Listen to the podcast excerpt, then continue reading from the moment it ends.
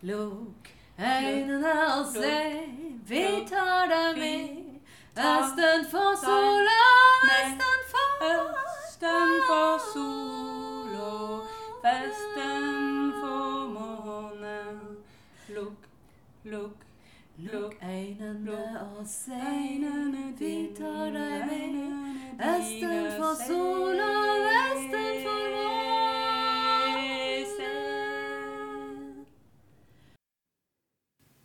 Dette er del to av tre program om Fortellerfestivalen.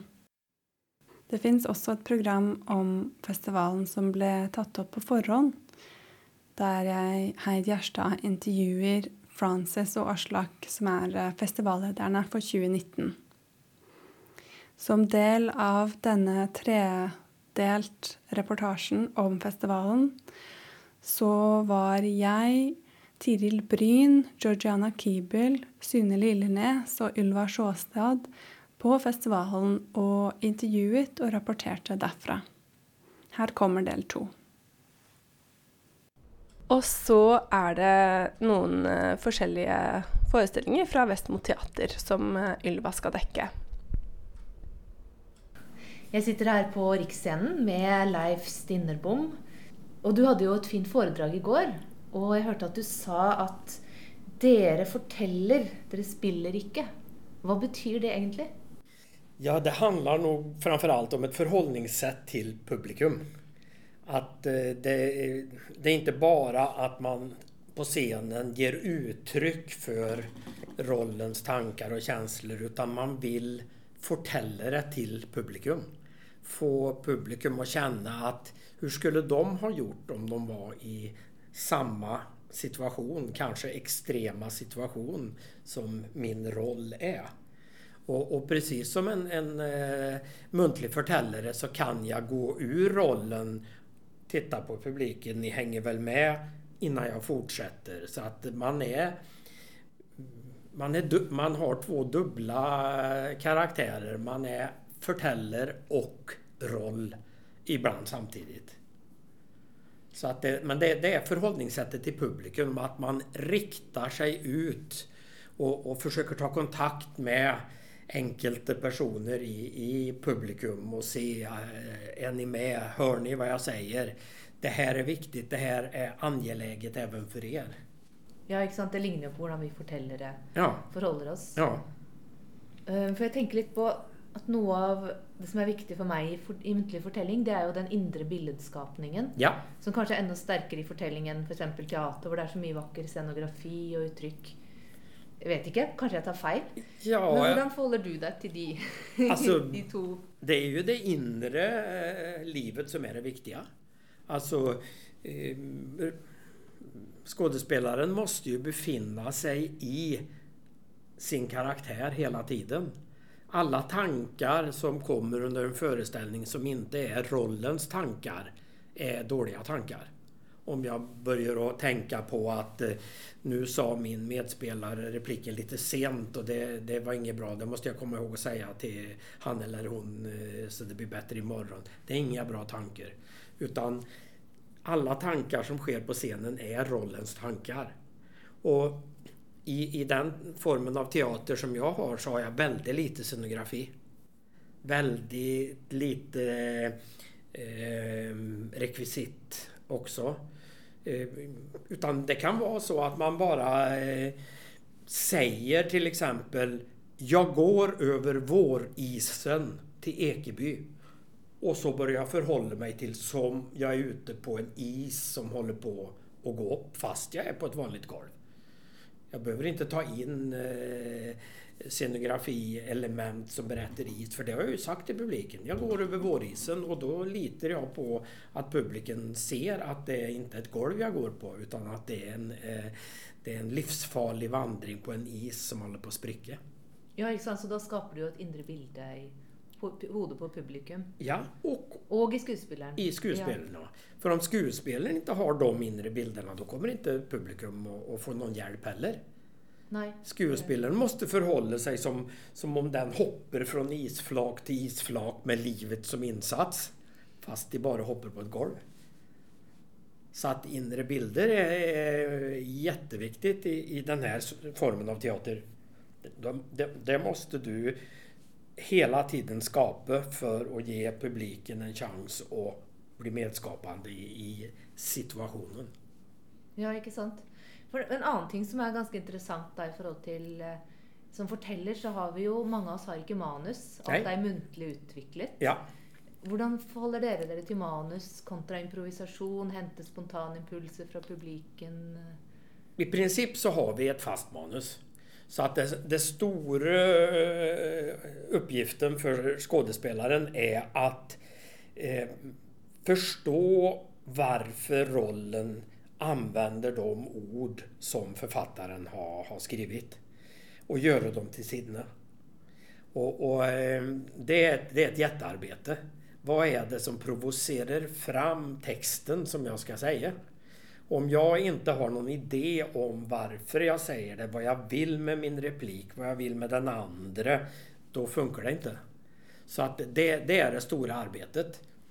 Och i början, när vi undersöker situationen, då kanske vi inte alls ar arbetar med författarens text.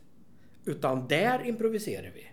Jag vet vad jag vill med dig och, och jag använder mina egna ord och, för att uttrycka all, vilka olika eh, vad ska man säga taktik, eh, strategier jag har för att få dig dit jag vill.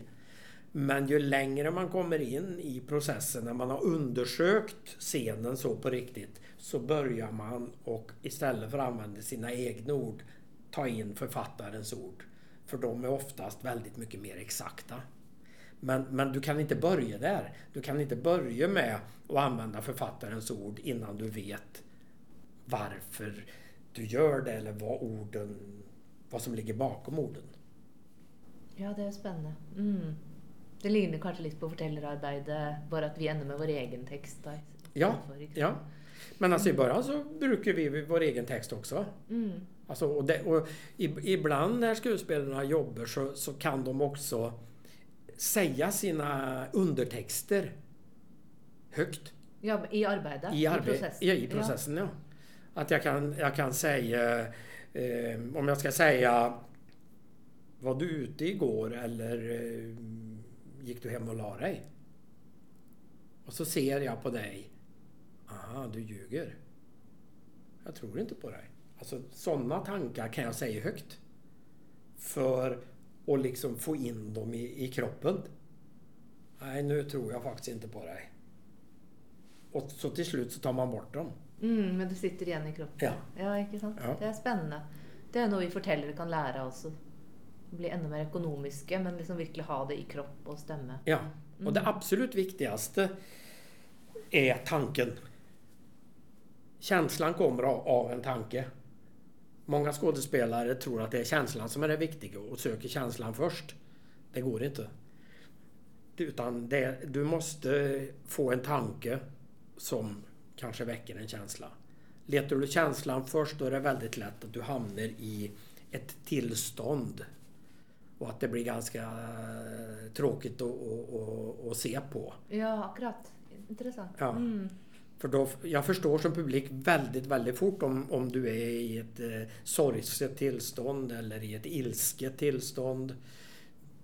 Och fortsätter du bara att berätta det hela tiden så då, då slutar jag ly, lyssna på dig för det har jag redan förstått.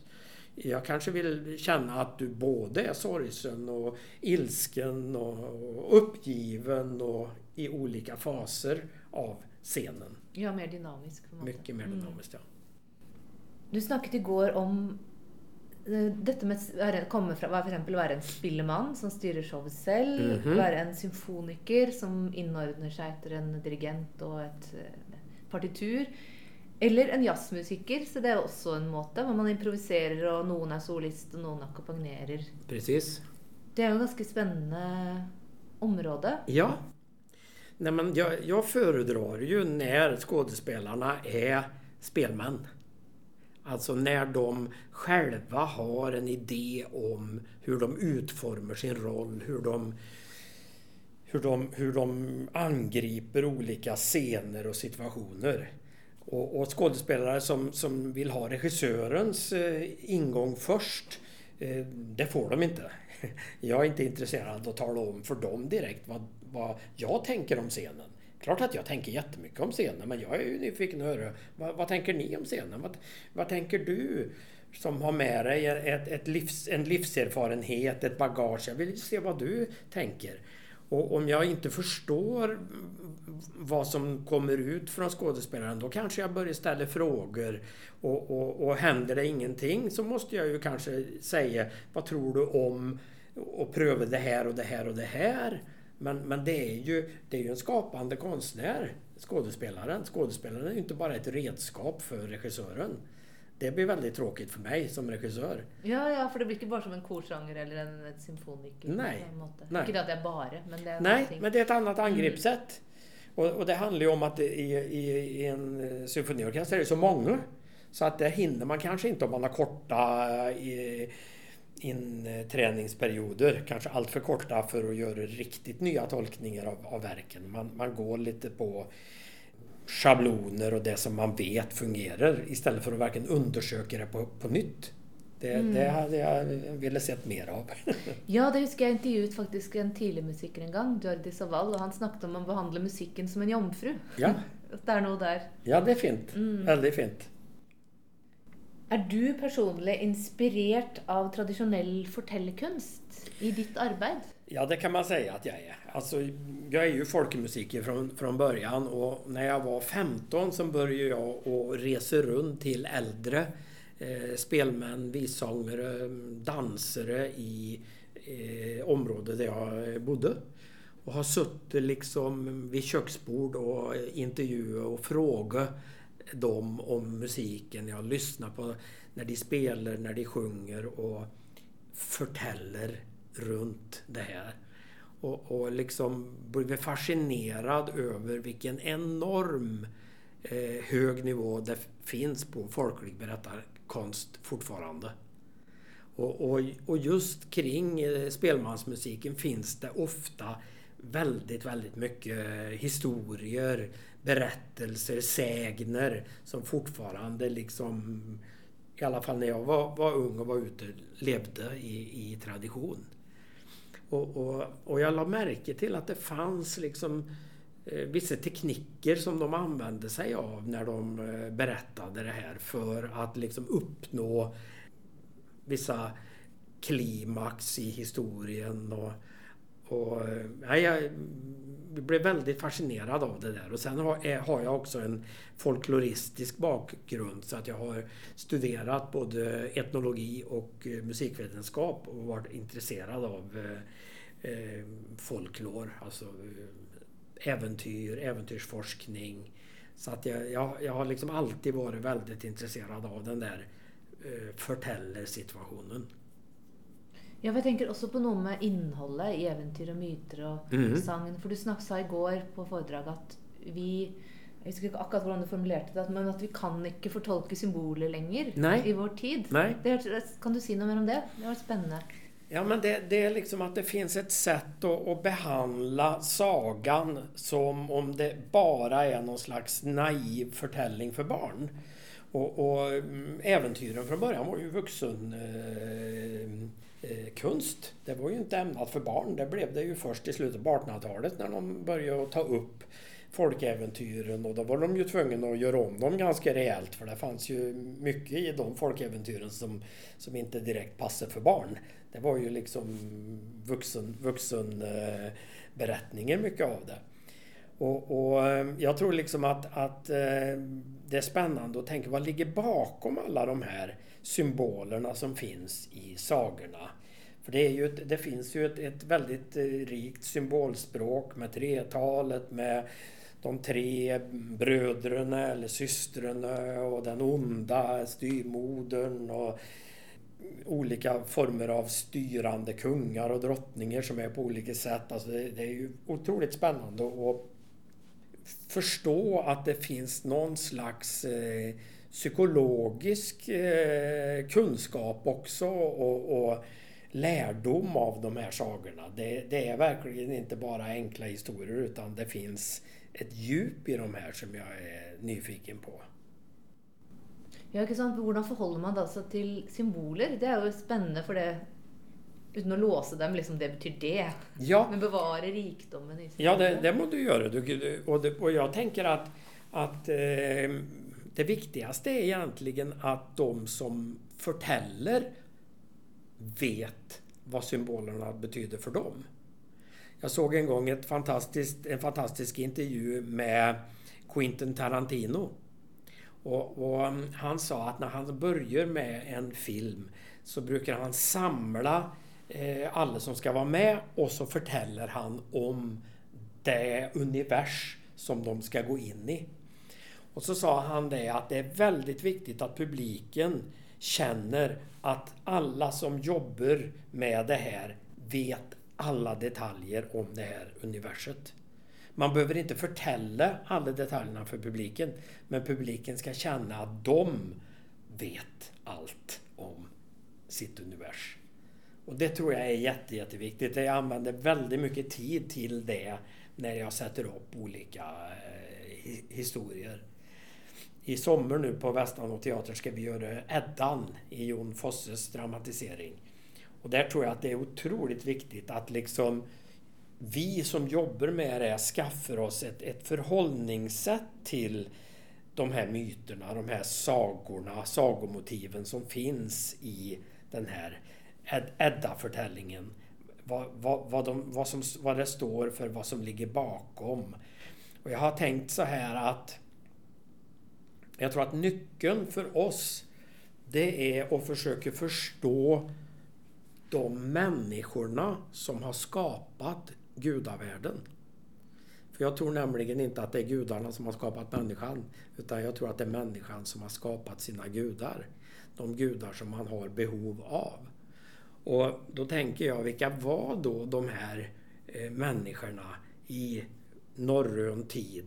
Hur såg samhället ut? Vi- Vissa gudar kanske framförallt dyrkades av eh, bondebefolkningen. Vissa gudar kanske dyrkades mer av kvinnor, vissa gudar av de som ville bli hövdingar. Och att det, liksom, det finns en idé om de här gudarna som har med de här människorna på den tiden att göra. Och jag tror då att, att gå in och försöka förstå så mycket av det samhället, det ålderdomliga mystiska samhället som vi egentligen inte vet så mycket om. Det enda vi vet är att det är säkert väldigt olikt vårt. Ja. Men vi får en del eh, ledtrådar i, i, eh, i förtällningarna.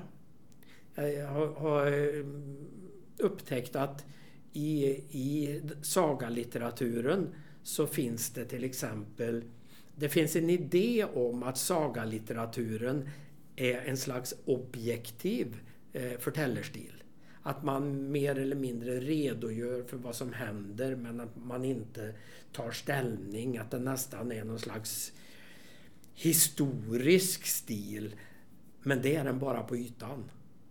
För under det som sägs så är det ett hav av tankar och känslor och, och, och mm, Mm, laddning. Laddning, ja. I Njals saga, Njåls saga så finns det en scen med Gunnar på Lidarände. Och då har Gunnar i ett tidigare skede, de har, han har gift sig och de, det är inget lyckligt äktenskap.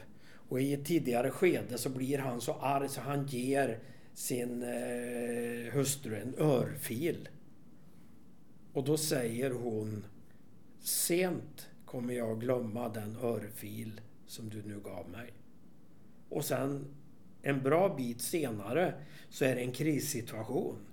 Eh, eh, Gunnars eh, hus är omgivet av fiender och han försöker försvara sig. Han har en pilbåge och skjuter ut genom en liten lucka och så går bågsträngen av.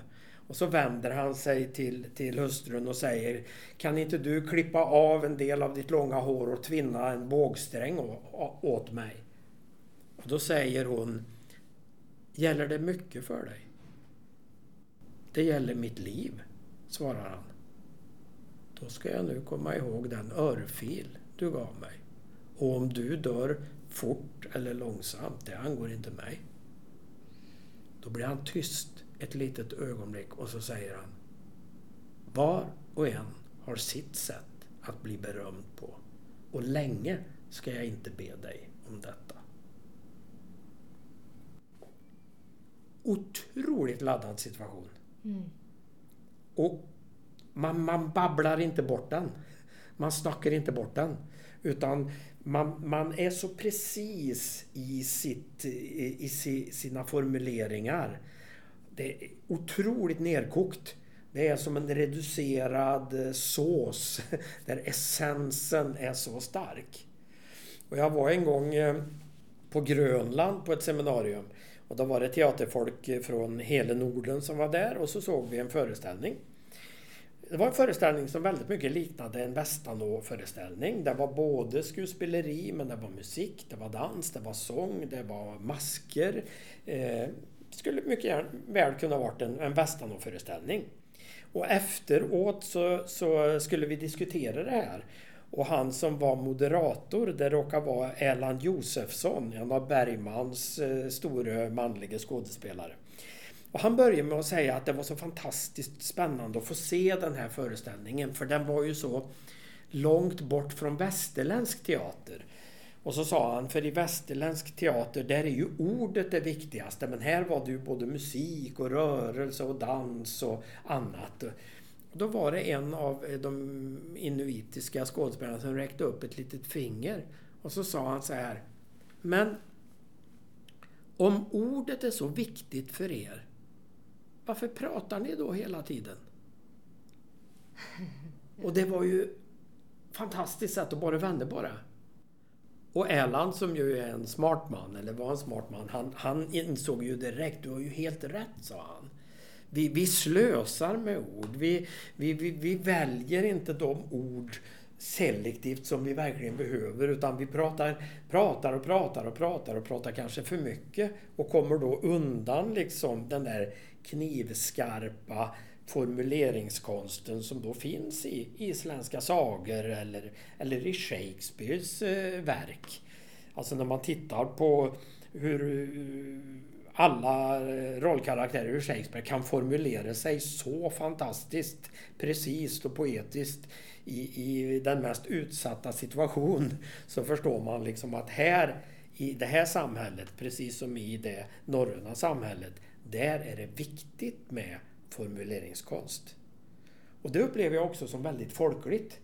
Alltså i, i Värmland där jag kommer ifrån, där finns det liksom en, en, en, en slags eh, stolthet i att kunna ge svar på tal, att finna sig i situationer och komma med de exakta formuleringarna i rätt tid. Så det där tror jag liksom att det är, det är ett folk, folkligt sätt att, att förhålla sig till orden. Man, man vill verkligen få till den, få till formuleringen. Mm. Och, och, den ska vara så precis och så dräpande som den kan vara. ja, det är spännande. Mm. Är det någon bestämt, eller någon muntlig fortällare som har inspirerat dig speciellt? Ja, det kan man säga. Jag jobbar en del med och, och lyssnar på en, en eh, fransk eh, storyteller som heter Abi Patrix. Ja, ja, vi känner gott till honom. Ja. ja. Och eh, han har betytt mycket för mitt sätt att tänka kring skådespelaren som förtällare. Jag träffade Abi redan 89 första gången. Då var han i, i Sverige på Västanå teater och hade en, en kurs. Och då hade jag precis börjat där så att det, det betydde mycket för hur jag fortsatte då söka i den här riktningen med, med, med teatern. Sen har jag jobbat med andra eh, franska storytellers också i Frankrike. Och just det här hur de använder eh, musiken i berättandet. Och, och jag, I och med att jag är folkmusiker själv så känner jag en del franska folkmusiker och många av dem är också väldigt intresserade av eh, förtällning så att de, de jobbar i, i bägge landskapen. Både som musiker men också som förtällare och ofta ihop då, i olika projekt. Mm. Dario Fo såklart. Ja. En stor eh, förebild. Eh, jag har sett eh, honom live och jag har filmer med honom. Otroligt spännande att se hur han eh, går in och ur roller och, och hur otroligt exakt och, och, och fysiskt han arbetar. Det, det liksom är verkligen en slags eh, bild av den medeltida gycklaren, den medeltida förtällaren som bara kan ställa sig upp var som helst och ropa Kom hit gott folk, jag har någonting jag vill säga och så börjar jag berätta. Eh, väldigt, väldigt kul att, att, att se, se han in, in action. Mm. Jag tänker att många av våra eh, skandinaviska äventyr är, liknar en del av hans historier. Det finns många sådana fina eh, historier. Inte minst tänker jag alla historier där djävulen är med. Alltså där, där man olika, Det är skomakaren möter djävulen. Det finns en, en fantastisk figur i, i, i svensk eh, eh, sagotradition som heter Tita Grå. Tita Grå, hon som var värre än den onde. Och det finns många historier där hon möter djävulen och alltid vinner, alltid sätter honom på plats. Så det slutar med att, att eh, djävulen blir så rädd för henne. De har, har, har gjort upp om att om hon vinner så ska hon få ett par helt nya röda skor av, av djävulen. Och när hon då har vunnit så, så, så kommer djävulen, men han vågar inte gå nära henne så han har skorna längst ut på en lång stång som han räcker över till henne. Och, och det motivet har jag då sett i en, i en gammal medeltida kyrka i Uppland från 1200-talet. Och, och, jag frågade kyrkovaktmästaren om han visste vad det där motivet var, men det visste han inte. Och, och, så det är säkert en väldigt, väldigt gammal historia. Det var nog Dario Fo fortalte? Var det det du sa? Nej, men Han, han har liknande... typ historia. Ja, Ja, I och med att det, många av hans historier är ju i ett katolskt eh, sammanhang. Och, och den historien med djävulen och Titta Grå är ju hos oss då från en tid när vi var katolska. Så att eh, där finns likheter. Jag känner igen liksom mycket av, av den typen av, av eh, tankegods i hans historier som vi också har i våra äldre folkeäventyr. Mm, nettopp. Om du kunne si noe om de to forestillingene du har med deg. Ja. Vi kan börja med Fröken. Fröken är ett utdrag ur en roman som heter Hjortronlandet av en fantastisk svensk eh, förtällare som heter Sara Lidman. Sara Lidman var från norra Sverige, från Västerbotten och är uppväxt i en väldigt stark berättartradition. Och det märker man i hennes historier. Det är liksom eh, att hon har hämtat mycket från den sägenflora som fanns runt omkring henne när hon var, när hon var mindre. Och eh, den här eh, historien handlar om eh, en man som blir kallad Fröken. Och han är en kringvandrande person. Han, eh, han klipper folk men han är också en, en målare, en konstnärstyp. Och, och, det är väldigt spännande att se hur, hur Eh, Sara Lidman använder honom för att eh, beskriva konstnärsrollen, vad konstnären behöver. Och det är två eh, unga jäntor som förtäller. De är egentligen fiolspelmän. Men jag jobbade med dem när de gick på Musikhögskolan i Stockholm. De ville ha ett förtällerprojekt och hade valt den här historien själv. Så att de har då tillsammans med mig och Vestan och gjort den här föreställningen där de är både förtällare, skådespelare och musiker själva. Och är otroligt duktiga på det som är skådespeleriet. Jag, jag är väldigt imponerad över hur de har fått till den delen som ju de egentligen inte är utbildade på. Så det, det är två spelmän faktiskt som förtäller och Mm. spelar. Den andra historien är Jon Fosses Någon känd till att komma. Och eh, jag kommer ihåg första gången som min fru Inger läste den här historien. Där hon efteråt säger men det här är ju precis som det var hemma i Torsby där hon växte upp. Ute på, på landsbygden. Och, och eh, många gånger så, så eh, när man ser Jon Fosse-uppsättningar så är de väldigt urbana. Väldigt modernistiskt urbana. Men för mig är, är, är Fosse en, en väldigt folklig, rural förtällare. Det märks liksom att han har eh, rötterna i sitt Hardanger och, och den, de folken som finns runt omkring.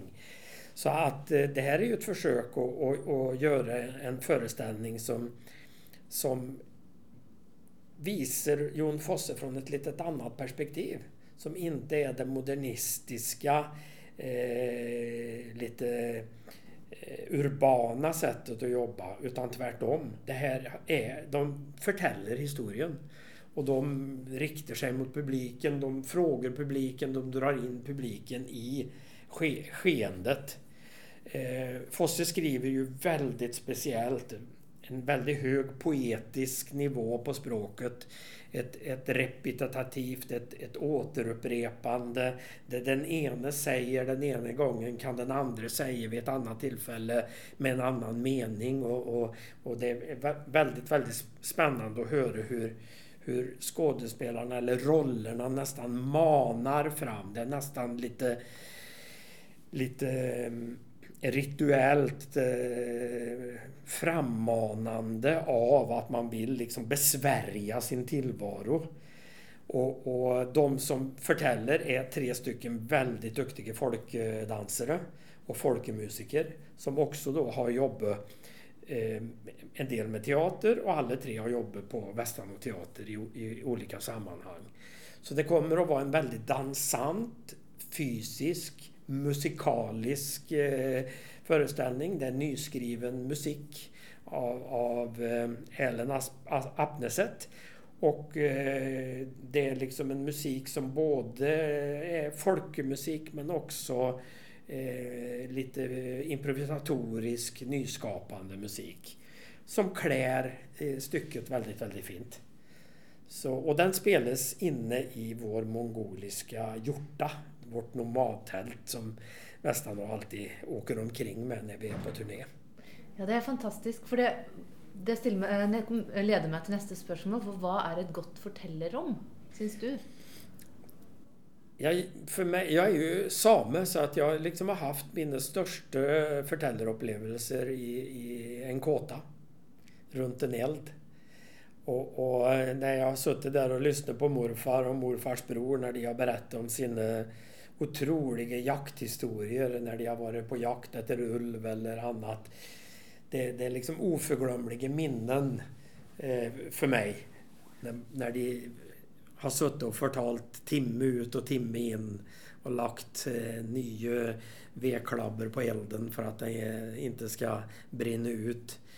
Så att det, det, var den idén jag hade när vi skaffade den här hjortan. Att jag ville liksom ha det här slutna Eh, runda cykliska rummet. Vi har, vi har ingen eld i mitten men det är nästan som att vi har det. Skuespillerna är elden. Och, och eh, ett, ja, ett bra eh, är väl ett rum som ger inspiration till förtällning. Som, som, eh, det, ska, det ska vara lite mysigt som vi säger på svenska. Man ska känna så här, hemmastadd och, och, och bekväm i ett bra förtällerum. Vi spelar ju ofta föreställningar i gymnastiksalar. Det är inga bra förtällerum. Och det här var en idé och, och då när vi kommer med hjorta med tältet i en gymnastiksal att ta bort det och få in dem i ett nytt eget magiskt rum som vi kontrollerar. Så det, det, det har vi tänkt mycket på att det ska, det ska vara ett vackert rum. Det ska vara ett rum som öppnar upp för fantasi och lyssnande. Ja, inte sant? Ja, för ni har ju byggt om denna ladan, ja. eller vad det säger på svenska. Mm, berättarladan. berättarladan. Mm. Och det är samma där liksom. Det, det är en väldigt tom spelplats, men det ska vara en vacker spelplats. Eh, skådespelarna med sin skådespelarkonst får publiken att förflytta sig i fantasin.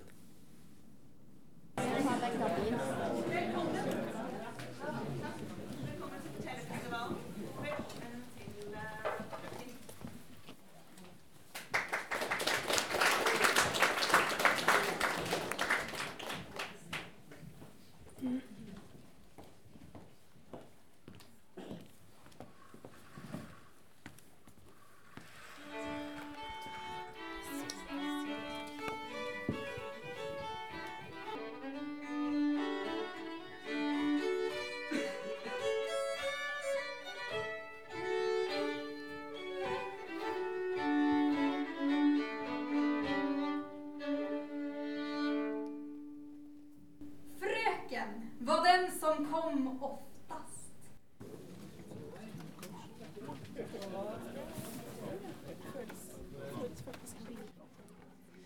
Da er jeg på vei inn til noen kommer til å komme, inn i hjorten. Og her er en ganske mystisk stemning. Gult lys og musikk og Spent mumling.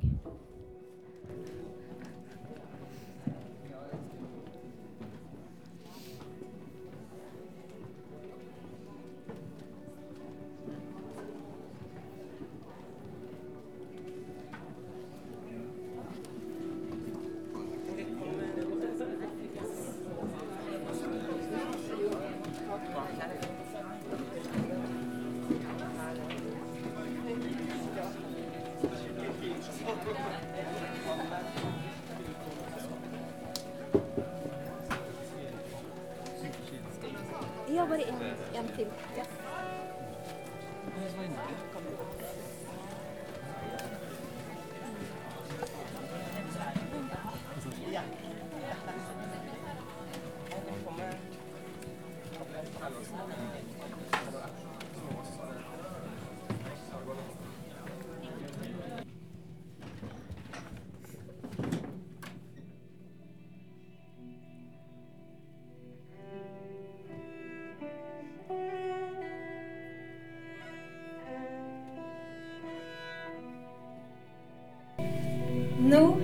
Er snart i huset vårt.